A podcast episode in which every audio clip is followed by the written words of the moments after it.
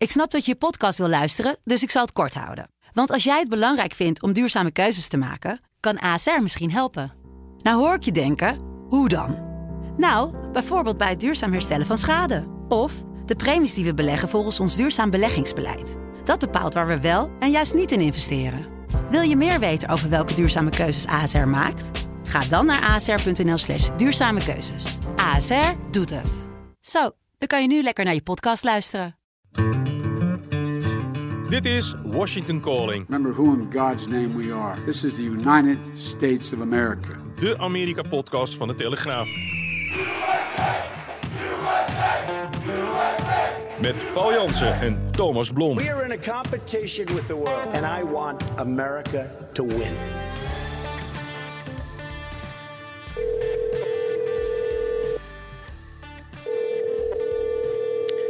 Paul, goedemorgen. Good morning. Goedemorgen. En een buitengewoon roerige week hebben we achter de rug. Afgrijzelijk zelfs, eh, zou ik willen zeggen. Eh, hoewel ver weg van Amerika zal het nieuws uit Israël ook erg hard aangekomen zijn aan jouw kant van de oceaan. Nou, het is eh, toch wel dichtbij hoor. Laten we niet vergeten, ruim 20 eh, Amerikaanse staatsburgers zijn om het leven gekomen bij die slagpartijen van Hamas. Er is een groep eh, Amerikanen die nog steeds gegijzeld wordt, waarvan de, het exacte aantal onduidelijk is. Ja, en dat eh, rijdt oude wonden open hier in, Zeker. eh, in Amerika. Hè. Denk alleen maar aan eh, het gijzelingsdrama vroeger in Iran eh, rond de Amerikaanse ambassade. En dan betreft het ook nog eens Israël, een hele nauwe bondgenoot. Maar eh, er wonen hier ook veel Joodse Amerikanen. Mensen hebben een hechte band ermee. En aan de andere kant zie je de- een heel dubbel beeld op straat. Niet overal, laten we dat niet vergeten. En de media zoomen natuurlijk op, eh, in op de plaatsen waar, waar er wel gedonder is. Maar er hangt hier toch wel een, een grimmige sfeer. Een, een, een eh, onheimische sfeer, zoals we dat ook in Europa zien. Althans, dat zie ik dan weer op afstand. Met felle demonstraties van eh, groepen mensen die aan de ene kant Israël steunen en, en anderen die eh, pro-Palestijnen demonstraties eh, aanvoeren. En, en daar worden echt, nou, daar worden echt de meest verschrikkelijke dingen geroepen. En dat is natuurlijk ook wel wat, wat Amerikanen zorgen baart. Van ja, maar wat is hier eigenlijk op ons grondgebied gaande? Dat was een eh, demonstratie op Times Square. Ja, nou, misschien kunnen we, we hebben daar een fragmentje van klaarstaan. Ja, From the river to the sea, Palestine will be free. You're Palestinian Nazis! Pro Palestinian and pro Israeli protesters clashed during heated demonstrations in Times Square. Ja, ja, ja, daar horen we ze tegen elkaar inschreeuwen. Het is echt, je gelooft je oren bijna niet, hè? Ja, echt ongelooflijk. Weet je, en, en eh er waren inderdaad eh, naast de leuze ook borden te zien. eh, from the river to the sea. Dat is een oude, oude strijdkreet Zeker. ook eh, in dit Arabisch-Israëlisch conflict. Waarbij eigenlijk wordt gezegd, er is geen plek voor een Israëlische staat. En we zullen alle Joden de zee indrijven. Dat was vroeger tijdens oorlogen ook wat eh, aan de Arabische zijde werd ge- geroepen. Die, de Hamas-terroristen worden daar eh, vrijheidsstrijders genoemd. Er werd zelfs met een Hamas-vlag gezwaaid op Times Square en een hakenkruis getoond. Dan heb je even ongeveer het kader te pakken van eh, wat voor fijn volk eh, daar rondliep. En weet je, ik, ik snap nog best wel dat je, dat je eh, pro-Palestina kan zijn of moeite hebt met eh, hoe het, de Israëlische regering de voorbije jaren met de bezette gebieden is omgegaan. Dit is gewoon een slagpartij. Een slagpartij op burgers. En als je dan gaat staan juichen voor wat daar is aangericht, ja, dan, dan ben je gewoon niet goed bij je hoofd. En ehm, ik denk dat ook, dat merk je ook, dat heel veel Amerikanen zich afvragen van, ja, wat, wat is er in deze mensengevaar? En Ja. zich verbazen over, over de diepe haat. Er werd ook gesproken over beveiliging van synagogen. Nou, ik heb daar in Washington hier naar gekeken. Er wordt een oogje in het cel gehouden, maar langs de synagoge waar ik ben gereden, was er eigenlijk daar weinig van te zien. Maar er was hier wel ook een, een grote rel eh, rond Harvard, de elite universiteit. Daar hadden namelijk studenten een verklaring eh, afgegeven, direct naar die verschrikkelijke aanslagen, eh, waarin ze zeiden dat Israël geheel verantwoordelijk is voor het bloedbad. Nou, dat is hier echt ook heel slecht gevallen. En dat legt ook tegelijkertijd meteen wel bloot hoe aan universiteiten, van oudsher niet uniek, maar ook hoe universiteiten linksradicale bolwerken zijn geworden. En zeker in Amerika, in de tijd van woke, is dat al een issue wat langer speelt. En hier blijkt wel dat studenten eh, echt, echt te ver zijn gegaan. Ook volgens heel veel Amerikanen. Er is een tegenactie inmiddels gestart. Ook van CEO's van bedrijven die hebben gezegd... ik wil een lijst van mensen die die verklaring hebben ondertekend... dat Israël geheel verantwoordelijk is, want die komen er bij mij niet in. En dat is inmiddels Hmm. een, een aardige lijst bedrijven aan het worden... die al die idioten die die verklaring hebben ondertekend... op een eh, zwarte lijst willen zetten. En je ziet nu dus dat een aantal van die studenten aan het terugkrabbelen zijn. Ja, want ja. ja, dat is toch, kan toch wel eens vergaande gevolgen hebben. Ineens helemaal niet meer zo leuk om dan eh, heel erg geëngageerd te zijn eh, met die hele zaak daar. Nee, New York Post had er een mooie voorpagina van gemaakt. Die had Schooled on Hate. Oh, En dat ja. is natuurlijk precies wat het is. En ik denk dat het heel goed is dat er, eh, dat er een streep wordt getrokken. Zegt tot hier en niet verder. Ik zag overigens een, volgens mij postte Elon Musk het op X, een filmpje uit de Daily Show, een fragmentje uit de Daily Show, waarin in ieder geval ook weer dit hele punt werd aangehaald, hoe moeilijk die hele discussie is, hoe veel mensen over elkaar heen vallen en struikelen. En dit was een fragment van negen jaar oud en je kon het eigenlijk, het was alsof het vandaag was opgenomen in ieder geval. Ja, en nogmaals, ik begrijp best dat, dat, dat die discussie, die, die is fel. Die is al heel lang fel. En daar zit weinig begrip tussen de kampen. En dat begrijp ik ook allemaal wel. En je hebt vrijheid van meningsuiting. En dus iedereen, zeker in Amerika, gaat heel ver. Je mag je zoveel zeggen, roepen, uiten. Maar op het moment dat je gaat staan juichen bij een bloedbad... Ja. Waar, waar kinderen eh, zijn vermoord, eh, oud, jong... rukzichtloos is afgeslacht. Als je daarvoor gaat staan juichen... dan ben je gewoon niet goed bij je hoofd. Ja, dan ben je eigenlijk eh, niet wijs. Ja, goed. Eh, we kun- kunnen er niet omheen, eh, deze podcast. We gaan het eh, veel over Israël hebben.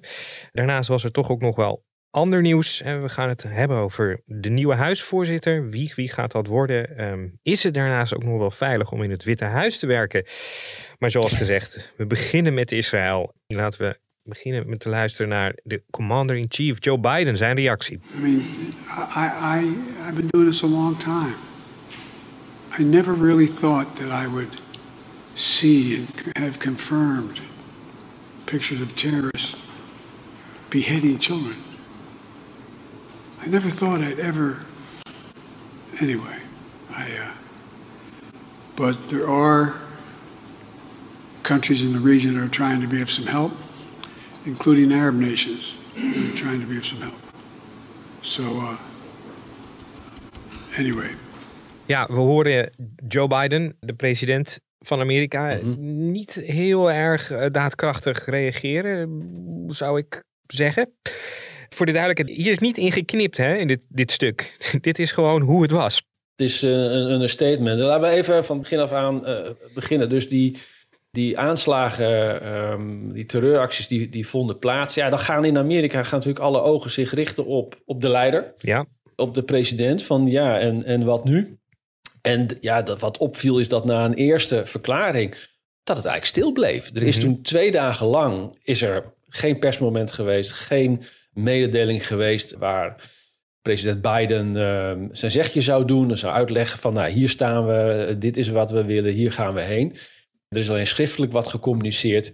En dat werd echt wel een ding. En vanuit de Republikeinen in het congres werd ook gezegd... van ja, dit is geen leiderschap. Eh, de president is te stil. Nou, moeten we denk ik wel daarbij aantekenen... dat in elke crisis is natuurlijk het eerste waar je naar op zoek bent... is informatie, gevalideerde informatie...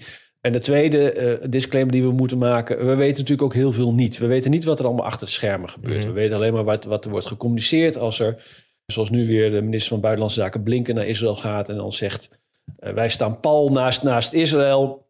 maar je weet niet wat er allemaal achter de schermen wordt eh, besproken. Maar wat je wel wil zien en wat je ook in Amerika hoort... is dat, en, en dat, dat is ook een traditie hier... dat dan de president bij een, een, een tragedie... eh, zich laat zien en zich uitspreekt. En dat heeft hier toch wel twee dagen geduurd. Tot overmaat van ramp lekte uit dat de zondag, dus de dag na deze vreselijke gebeurtenissen, de president en de first lady wel een barbecue hielden op het Witte Huis voor de staf en hun families. Nou, dat viel ook totaal verkeerd. En ik denk dan ook, hoe kan je dat nou doen? En dan zullen ze wel gezegd hebben van, eh, ja, die was al gepland, maar je moet wel begrijpen het signaal wat daarvan uitgaat in combinatie met dat je niet communiceert, was toen al duidelijk dat de Amerikanen onder de slachtoffers waren, dat er mogelijk Amerikanen gegijzeld werden in de Gazastrook. En dan ga je een barbecue houden. Weet je, dat is hier ook slecht gevallen. En dan uiteindelijk komt die, die persconferentie na twee dagen. En dan zie je een, een president die toch wel moeite heeft om zijn boodschap uit te dragen. En toch niet overkomt als een ja, eh, vastberaden, zekere leider waar, waar, waar het land eh, op dit moment wel eh, op zit te wachten. Dus dat, is, dat was allemaal heel pijnlijk. En Paul, hij zegt toch ook, want hij heeft het in dat fragment, heeft hij het over dat hij de foto's gezien heeft. Afgrijzelijke foto's. Dat is ook niet waar later. Hè? Dat is ook weer teruggetrokken door het Witte Huis woordvoerders. Ja, dat zou hij ook in een, een bijeenkomst uh, met uh, leiders uit de Joodse gemeenschap uh, hebben gezegd. En ja, daar vind ik dan weer van, weet je, dan zie je ook meteen weer de, de liberale media en de Washington Post en zo daar bovenop duiken. jongens, laten we nou wel wezen of hij die foto's nou wel of niet heeft gezien. Er zijn gewoon gruweldaden begaan. En ik vind de discussie in de media, die dan er meteen alweer om gaat, om heeft Biden gelogen want dan zou het dus spin zijn geweest. Mhm. eh, of er wel baby's uh, onthoofd zijn of niet. Ik vind dat totale bijzaak in, in deze verschrikkelijke ramp. En het leidt ook af van de discussie. En ik baas me er ook, nou, misschien ook weer niet, hoe liberale media dat oppikken. Uh, want het, het lijkt daarmee alsof iets van de, van de gruweldaden kan worden gebagatelliseerd. En dat is natuurlijk absoluut niet, niet aan de hand. Maar weet je wat, wat ook opvalt, is uh, als je in zo'n crisis zit. Wat gaat dan de woordvoerder van het Witte Huis uh, deze week, uh, Karine Jean-Pierre, twitteren?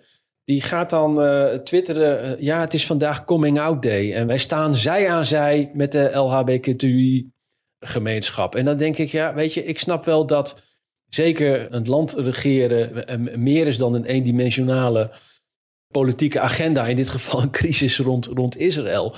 Maar het komt allemaal wel heel bevreemdend over als je de, dit soort tweets de wereld in gaat gooien op het moment dat dit land geconfronteerd wordt met een zware crisis, ook rond eigen onderdanen. Te meer, te meer dat de vorige keer dat dit zo opspeelde, was natuurlijk in Afghanistan Ja. met die evacuatiehals over kop, waar ook Amerikanen zijn omgekomen, Amerikaanse militairen zijn gesneuveld.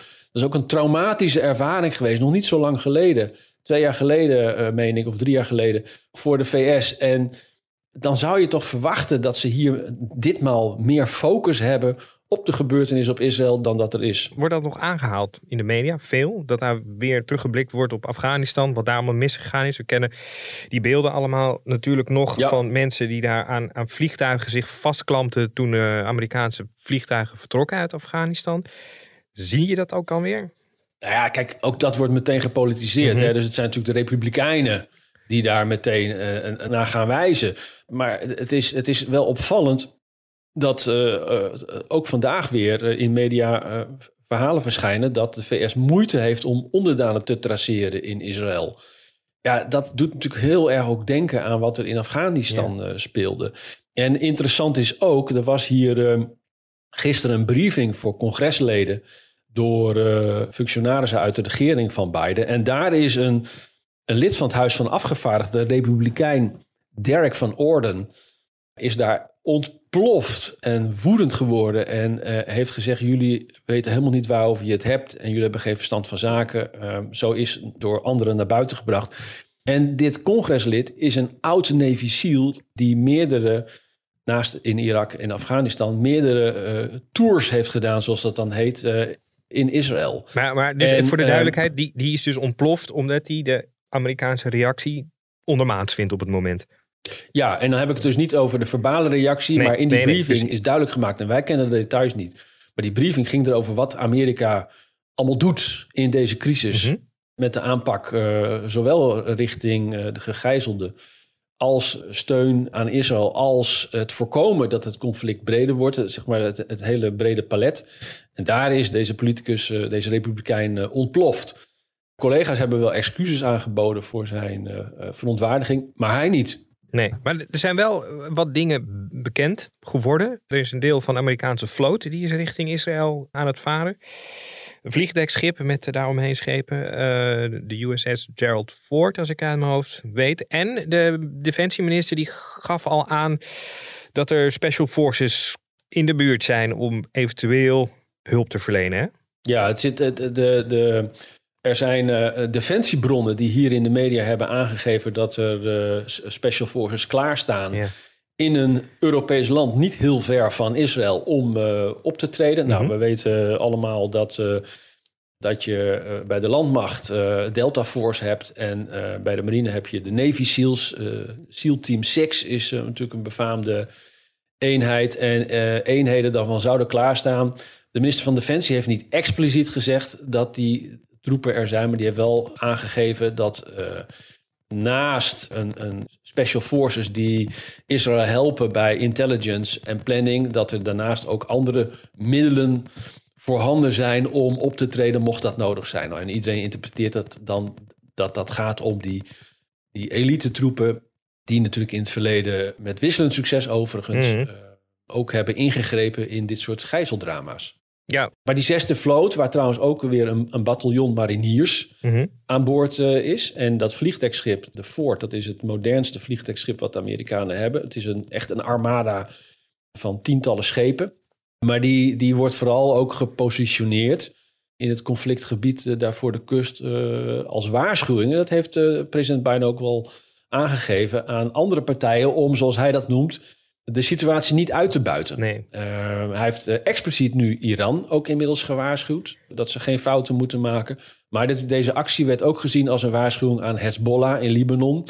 Want de angst is wel dat daar een soort tweede front zich zou kunnen gaan openen. Ja. En dat Hezbollah de situatie aangrijpt. En daar leek het ook al even op van de week. Om ook full force te gaan tegen Israël. Ja, nou ja daar zullen de Amerikanen natuurlijk ook echt hun adem voor inhouden, lijkt mij. Ja, te, te meer ook omdat het natuurlijk uh, uh, op tafel lag. En daar houdt het, dit hele drama ook wel verband mee uh, wordt, wordt gezegd. Natuurlijk op tafel lag die, die, die, die normalisering van betrekkingen mm -hmm. tussen Israël en Saoedi-Arabië. Ja. En dat zou Iran dan weer heel erg uh, in een slechte positie brengen. Nou, zo, zo valt een beetje alles in één. Die deal die lijkt nu, ja, die lijkt nu heel ver weg hè, tussen Saudi-Arabië, Israël. Ik durf het niet te zeggen, maar het is in ieder geval niet beter op geworden. Nee. Daar kunnen we het over eens zijn. En je ziet wel dat, dat de Amerikanen dus op verschillende borden aan het schaken zijn. Ze zijn aan de ene kant zijn ze druk bezig om uit te zoeken hoe het met hun onderdanen zit, met de gegijzelden. Proberen Israël natuurlijk uh, uh, te steunen en tegelijkertijd schaken ze op allerlei borden in het Midden-Oosten en elders om te proberen dat dit geen brede conflict wordt. En er is natuurlijk ook nog uh, de hele kwestie van hulp aan het andere land, Oekraïne. Uh, in Kiev zullen ze ook mm. wel gedacht hebben: oh nee. Ja, nu moet het ineens allemaal verdeeld worden, de aandacht, de Amerikaanse aandacht. Is... Ja en nee, want uh, het is goed dat je dat zegt. Want zoals je weet hebben we hier natuurlijk de perikelen in het Huis van Afgevaardigden gehad met een, een weggestuurde voorzitter. En dat ging allemaal over die shutdown-discussie. Dus de begroting van Amerika. En is toen een noodoplossing gevonden om de boel nog 45 dagen open te houden. Mm-hmm. Maar dat defensiepakket voor Oekraïne, dat zat er niet in. Dus dat is geparkeerd. En wat zie je nu de regering Biden doen? Die pleit er nu voor richting het congres om brede steun aan bondgenoten te verlenen. En die heeft de hulp aan Israël samengevoegd ah. met die met aan Oekraïne. En probeert dus zo de boel aan elkaar te knopen ja. om alsnog te zorgen dat ook uh, Oekraïne in deze uh, situatie totaal niet vergeten wordt. En misschien wel een politieke impasse in Amerika wordt vlot getrokken vanwege het conflict in Israël. Ja, Paul, dat is misschien een goed bruggetje naar ons volgende onderwerp. Uh, je, je, hebt het er inderdaad over de, het huis, waarin ze in ieder geval een deal hebben gesloten om de overheid in ieder geval een tijdje weer open te houden. Daar zijn ze ondertussen ook steeds bezig met het kiezen van hun nieuwe voorzitter. Op het moment van het opnemen van deze podcast is hij er nog niet. Wat is daar nou toch allemaal aan de hand? Ja, dat wordt zo langzamerhand toch wel een, uh, een aanfluiting. Uh, Zo'n beetje voor het hele land hier. Republikeinen rollenbollend over straat. Wie nou toch de nieuwe genomineerde voor, als voorzitter zou moeten worden. En leek eerder deze week er een, een kandidaat te zijn uh, na een stemming achter de deuren. En die meneer Steve Scalise, 58-jarige congreslid uit Louisiana. Zitting sinds 2008 in het huis. Uh, die ja, leek hoge ogen te gaan gooien. Maar heeft zich mm-hmm. inmiddels alweer teruggetrokken. Want in het Huis van Afgevaardigden hebben de Republikeinen 222 zetels. De Democraten hebben er 212. Dus er is een klein verschil. En voor de verkiezing van een voorzitter moet je nou eenmaal gewoon de meerderheid van stemmen hebben. Nou, die 212 democraten die stemmen gewoon standaard op hun eigen leider, minority leader Hakeem Jeffries. Dat betekent dat de Republikeinen eigenlijk op een paar stemmen na alle neuzen dezelfde kant op moeten hebben om een voorzitter te kiezen met een meerderheid van stemmen. Maar die Republikeinen die zijn dus diep verdeeld. Zoals je weet was Scalise niet de enige in de race, maar was er ook nog Jim Jordan van de, de rechterflank van de Freedom Caucus, uit het kamp uh, Trump getrouwen die uh, 99 stemmen haalde en uh, Scalise haalde er binnen de Republikeinen 112. Nou, als die 99 allemaal niet achter Scalise zouden gaan staan, zou hij dus niet verder zijn gekomen. Dus is meneer Scalise achter de schermen gesprek op gesprek op gesprek gaan voeren om te proberen om zijn partijgenoten, die eigenlijk Jim Jordan wilden, te bewegen om toch op hem te gaan stemmen. Dat is niet gelukt en dus heeft meneer Scalise de handdoek in de ring geworpen. En ze kijkt iedereen nu verder van ja, en, en nu? Het is dus meer dan alleen dat, dat kleine groepje eh, wat op de uiterste rechterflank zat, wat een paar weken geleden Kevin McCarthy eruit gewipt heeft. Er waren nu meer mensen die dwars lagen. Hè? Je moet het zo zien, de, de rechterflank is niet een klein groepje. Dat is een behoorlijk aantal uh, parlementariërs. 20 tot 30 daarvan maken deel uit van die zogeheten Freedom Caucus. En uh, mm-hmm. die borduurt weer voor wat vroeger de Tea Party was, de, de echte rechtervleugel, ja. populistisch, van de Republikeinen. En daar zit met name het verzet. Een klein aantal van die groep heeft bij het afzetten van uh, McCarthy inderdaad die tegenstem uh, toen ingediend, maar lang niet allemaal.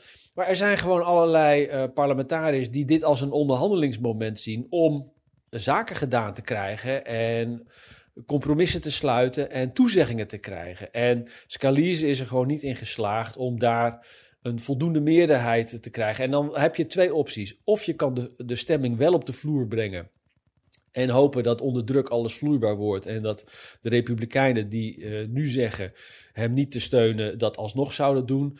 Of je kan je terugtrekken. En dat laatste heeft Scalise gedaan. En de vraag is nu dan, ja, hoe gaat het verder? Nou, er zijn, alles is onvoorspelbaar hier tegenwoordig. Maar er zijn uh, grofweg drie mogelijkheden worden hier geschetst.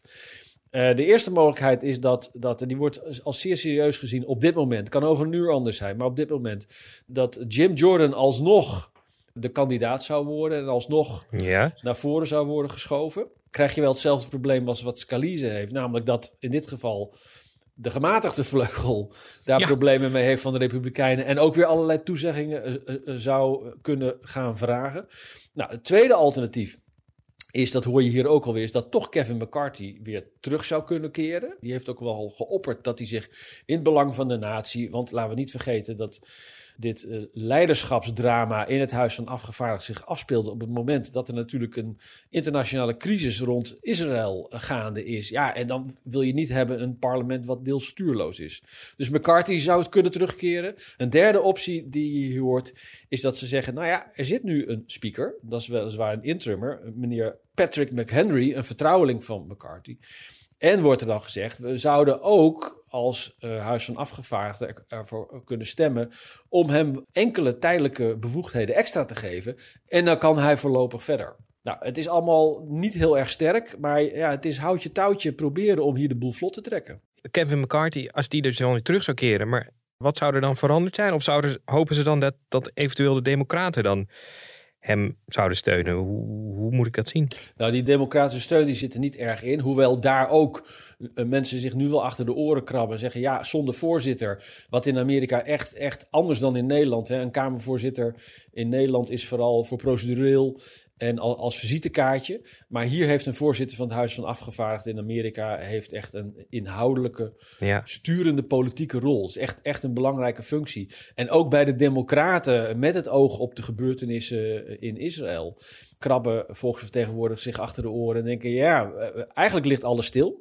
Eh, Er, er kan helemaal niets gebeuren. Ook zaken als hulppakketten, Mhm. militaire eh, of financiële hulppakketten. Alles is bevroren en, en doorgeschoven. En ook democraten krabben zich dus achter de oren van... ja, we moeten wel iets, want de zaak moet in beweging komen. Dus daar zou je kunnen krijgen dat er misschien ook een aantal democraten zijn... die zeggen, nou ja, eh, dan moet het maar zo. Dan moet McCarthy maar weer terugkeren. De vraag is of dat aan de republikeinse kant ook uh, overal wordt gevroten. Want laten we niet vergeten dat zijn val, zijn historische val, is ingeluid. Niet door de Democraten, maar door Nee. de Republikeinen van de rechterflank met meneer Gates voorop. Maar het is, het is koffiedik kijken. Het is volstrekt, volstrekt onvoorspelbaar waar dit heen gaat. En dat zie je ook overal terugkomen. Op de tv-zenders waar eh, eh, members of Congress eh, eh, langs schuiven.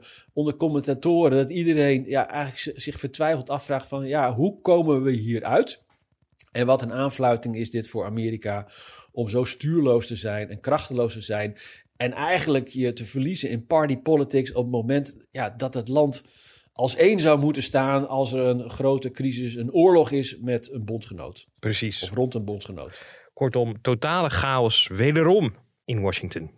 Dan klein bier bij alles wat we tot nu toe besproken hebben. The dog days could be over. In a new development, Commander Biden, the president's two year old German Shepherd, has been removed from the White House after a string of biting incidents. At least a dozen involving Secret Service personnel. Ja, het klinkt een beetje banaal tussen al, dit, eh, al deze gesprekken. Maar de hond, de first dog van Biden, de, ja, die, die bijt Secret Service mensen. Is hij nou weg of is hij nog wel in het Witte Huis? Dat is mij even niet helemaal duidelijk meer. Nee, hij is inmiddels. het is de, de tweede herdershond. De vorige Major is ook al weggestuurd. Ja. Omdat hij zijn tanden graag in Secret Service eh, agenten eh, stak. En ehm, deze hond, Major, die is sinds een paar dagen ook al verbannen. En het is, aan de ene kant is het klein bier, aan de andere kant ook weer niet. Want wordt dan alweer meteen gezegd: ja, die hond kan er niks aan doen. Dit zegt iets over het baasje. en en eh, wordt meteen weer de leiderschap eh, hè, van... ja, eh, kan je niet eens je eigen hond eh, opvoeden? Politico's schreef een verhaal onder de kop.